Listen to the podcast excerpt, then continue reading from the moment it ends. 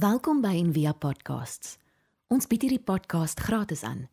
Om 'n bydrae te maak, besoek gerus ons webblad en via.org.za vir meer inligting. Toe hulle vir Charles Dickens vra, "So wat is die mooiste storie? Wat is die grootste verhaal wat jy nog gelees het?" Toe antwoord hy die verlore seun. Jy kan amper nou nie glo dat so literêre reus kan sê dat so 'n eenvoudige verhaal het hom nog die diepste geraak. En, en mense sien dit ook in kunstenaars, nê, van die grootste kunstenaars soos Rembrandt en ander, hierdie behoefte gehad om om dit te teken of daaroor te skryf of daaroor te dink. Want ek dink dat hierdie storie van die verlore seun dit karteer ons hart. Dit dit wys vir ons hoe loop die paai in ons hart. Nadat daar 'n gedeelte is wat altyd sal wegtrek. En dat daar altyd 'n verlange sal wees wanneer ons wegtrek in liefde soek wat ons gaan terugbring en terug laat verlang na die liefde van 'n pa. Dit is die storie van ouer liefde. Dis dis die storie. En dat ons nie sonder dit kan doen nie. En dan is dit die storie van 'n kind wat altyd by die liefde was maar wat dan opnuut ontdek wat hierdie liefde werklik is. Ons gaan die volgende tyd gesels oor liefde en ons het gedink om die reeks te noem jy is wat jy liefhet. En uh, dis nou aanleiding van die woorde van Sint Clara van Assisi was 'n tydsgenoot van Fransis en ook 'n goeie vriendin van hom. En dis nou in 1200 na Christus sê sy we become what we love and who we love shapes what we become. If we love things, we become a thing. If we love nothing, we become nothing. Imitation is not a literal mimicking of Christ, rather, it means becoming the image of the beloved, an image disclosed through transformation. This means we are to become vessels of God's compassionate love for others.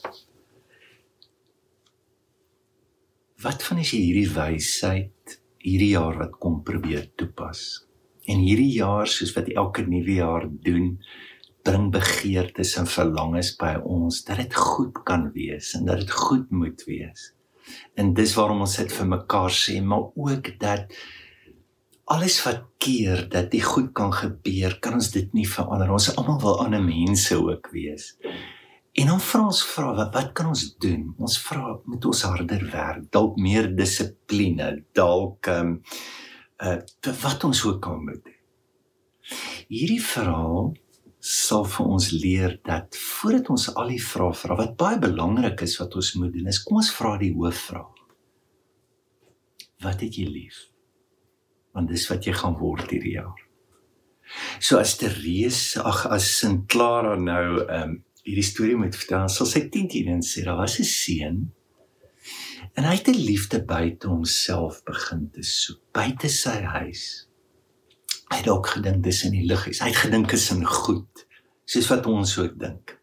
Dis in hierdie persoon dis in hierdie ervaring as ek net dit kan hê of as ek dit kan wees ons En dan werk dit nie. Want as jy goed liefhet, word jy goed en goed is hart en dood.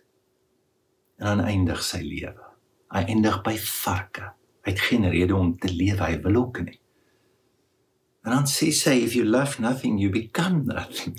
En en jy kan dit sien in die manier hoe hy dink oor homself. Hy's smaak by vark. En selfs toe hy terugkom sê oor die oor ek ek ek's nie werd om die seun genoem te word nie word dit. En dan 'n interessante ding, wat is die oplossing vir haar? Is imitation is not a literal mimicking of Christ. So dit gaan nie oor hoe die liefde werk so jy moet ook nou lief hê. So kom ons kom ons gee koekies vir die armes. Kom ons kom ons doen net dan dan het ons lief. As jy dade van liefde doen, beteken dit glad nie dat jy liefde het nie. Dis wat die hele 1 Korintiërs 13 vir ons leer. Jy kan die grootste goed in die naam van liefde doen en wat soos liefde lyk en is glad nie liefde nie. Sê dit gaan nie om te naap nie. Dit's anderster. Sy sê it means becoming the image of the beloved and image disclosed through transformation. Dit is om my eie geskaapenheid in 'n diep ervaring van transformasie ontmoet en in hierdie verhaal is dit met 'n pa. En dis goed. Ehm um, As ons dink in hierdie jaar wat ehm um, wat gaan jy doen? Ehm um, hoe dink jy nou die Here jou uit om regtig hom lief te hê? En ek dink nie ons hoef skuldig te voel oor ons liefde wat eintlik baie keer na verkeerde plekke toe gaan. En dis die eerste punt wat ek wil maak. Ek dink die storie lees leer ons dat ons almal sukkel met misplaaste liefde. Dat ons dink altyd dis op 'n ander plek, dis in ander goed, dis en en dan dan gaan ons liefde na dit toe, maar dis presies die liefde wat ons ontnigter. So dis wat ons kan leer. En dit word ook 'n gawe. Hierdie kind sou nooit by die liefde van die Vader gekom het as hy nie geweet het maar hierdie liefde wat nou na die liggies van die stad toe gaan het of na die vriende of wat ook al dit dit werk nie. En dink maar net in jou eie liefde. Dat ons dink altyd is ewig, nee, veral as jy lief is en verlief is, dit is soort van dit is Nou kom ons agter maar dit is nie. Nou kom ons agter selfs dit wat ons voel en wat ons dink liefde is, ons het behoefte aan meer. Die meeste liedere wat nog ooit geskrywe is, is oor die liefde, nê. Nee. En dan as jy daarna luister, jy weet dis oor die liefde wat jaloers is, of die liefde wat jou seer gemaak het, of die liefde wat dood is, of die um, want elke keer dit dit roer ons want dit maak iets wakker van wat teenwoordig is in ons eie lewe. Sien die moeilikste woorde wat ons moet probeer gehoorsaam is seker Jesus se woorde. Julle moet mekaar lief hê, maar dan sê hy soos wat ek julle liefhet. So het het God misplaaste liefde. Oor oor ek moet so baie goed lief hê dat ehm um, Ja, ek ek gaan jou nou 'n bietjie lief hê. Is is die, of God is so besig dat dat die Bybel leer ons dat juis die totale fokus van sy bestaan en dis wat hom God maak dat daar hierdie ongelooflike liefde is en as daar 'n liefde is wat misplaas word dan los hy 99 en sy totale aandag want dis nie wat 'n goeie herder eintlik doen jy jy pas die 99 op maar so sy hele dis hoe lief hy het. En dat hierdie liefde is daar dit is nie soos ons in wat meer die liefde kom tot stand omdat hy weet jy is soos ek Weet jy wat, ek kry iets uit jou. Of weet jy wat, ons connect hom nou te lekker. Of weet jy wat, jy's eintlik so lovable. Jy weet jy enige ou kan jou lief hê. Um, en al voel ons ons almal het liefde en en dan dink ek ons geskiedenis help ons om te sien is meer soos die verlore seun kyk maar na die geraamtes in ons kas, in ons families, die pyn wat ons dra van hoe moeilik dit is want dis misplaas, dit word hard, dit word koud. Die vraag is hoe hoekom misplaas ons liefde? Ek dink een van die verhale of daar's baie verhale in die Bybel en nou in, in hierdie storie wat ons help is dat ons het 'n weerstand teen liefde En vir my is dit die woord vir sonde. Ons te weerstand teen die manier hoe God ons wil lief hê. Ons te weerstand teen om onsself lief te hê. Ons te weerstand om ander mense lief te hê. Wat? Wat is dit? Dis soos die ouer broer in hierdie storie wat sê se pas sê kom ons moet fees vier dan sê nee. Anna. Ek kan nie glo jy doen dit. Wat wat keer daai liefde wat God nou vir hom wil gee? Wat keer die disippels om God se liefde te keer wanneer 'n vrou kom en sy vat duur parfuum, nê, en sy breek dit op en sy gooi dit oor Jesus se voete. En dan sê hulle: "Hoe kan jy dit doen? Dis belaglik. Weet jy hoe duur is ons kon nie armes gehelp het." Wat keer hierdie disippels om ook die duurste van hulle lewe vir God te kan gee. Want dis wat hulle nie kan doen nie. Dat daar se weerstand. Wat keer Petrus in die laaste nagmaaltafel? Sê Here, jy gaan nie my voete was nie. Jy gaan nie. Wat wat keer dit? Dalk is dit jou liggaam is baie persoonlik en aanraking is heilig. En alk die ongemak met voete Hulle het maar sandale gedra, hulle het baie ver geloop. Dit stak nie lekker of met ander woorde die kwesbaarheid van wie ons is keer God se liefde. En ek dink hier ons gebed, ons wees met God moet deurweek word met ja hierdie verhale wat ons help hoe ons elke dag weerstand bied teen dit. Ons kan nie naby kom nie. Ons kan nie ons kan nie intiem wees nie. En nou jy sin op Frida het dit 'n paar keer genoem, die woord intimiteit en dit ek geskrywe Frida sê into me you see.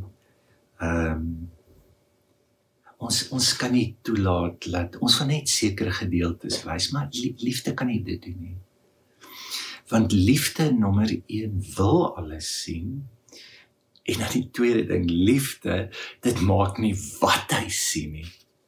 Hy kan dit vas en en dis die laaste ding. As ek kan sien hoe my liefde misplaas word en hoe ek weerstand bring wat wat 'n ongelooflike plek dat as ek my kwesbaarheid kan wys in as ek kan eerlik wees met wat is en ek kan veilig genoeg voel in so spasie dis lewensverandering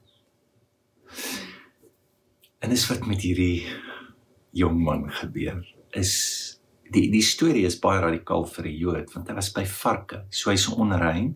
Die pa mag nie aan hom raak nie.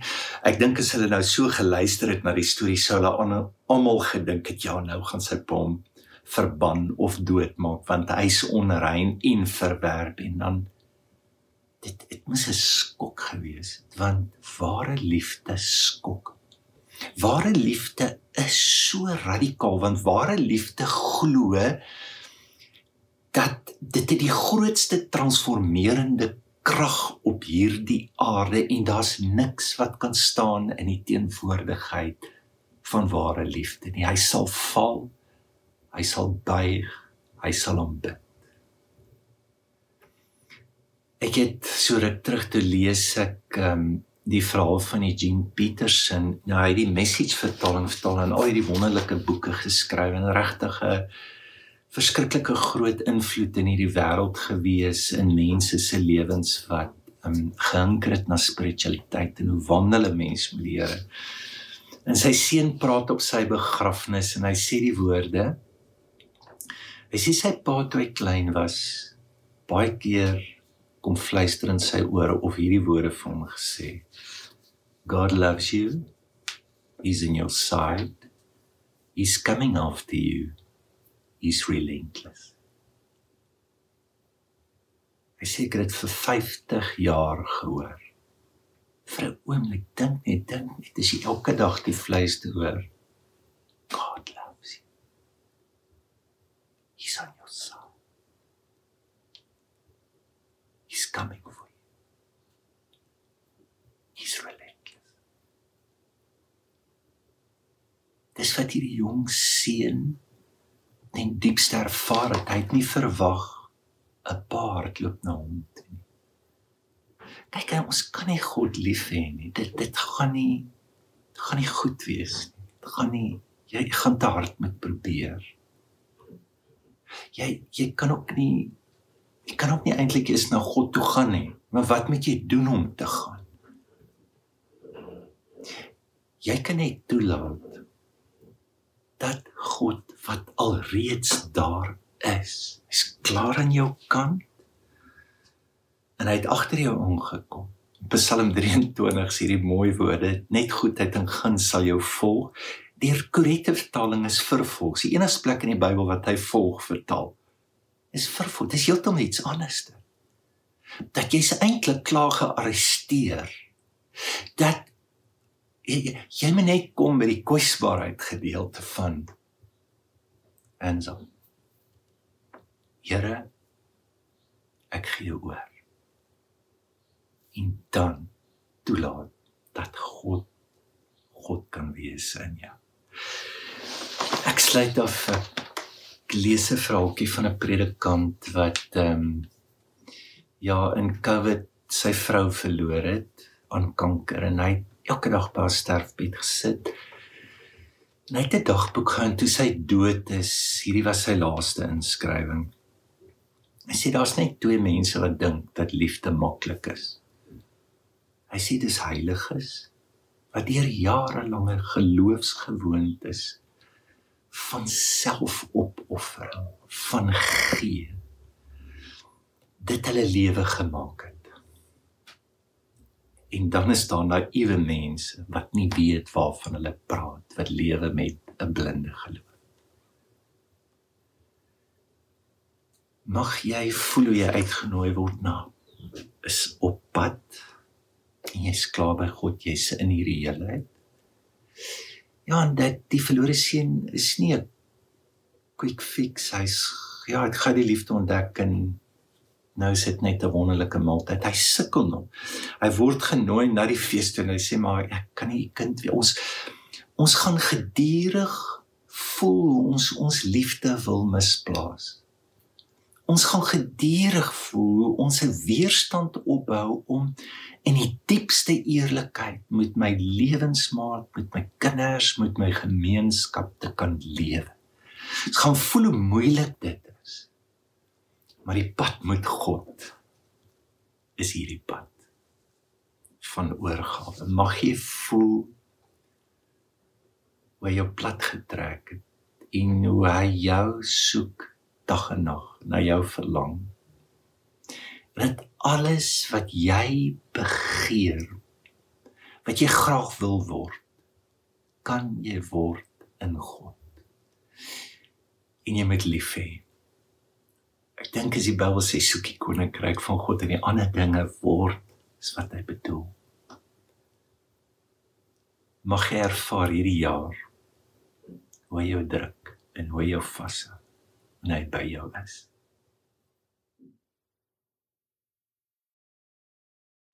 Ons hoop van harte jy het hierdie podcast geniet of raadsaam gevind. Besoek gerus en via.ok.za vir meer inligting.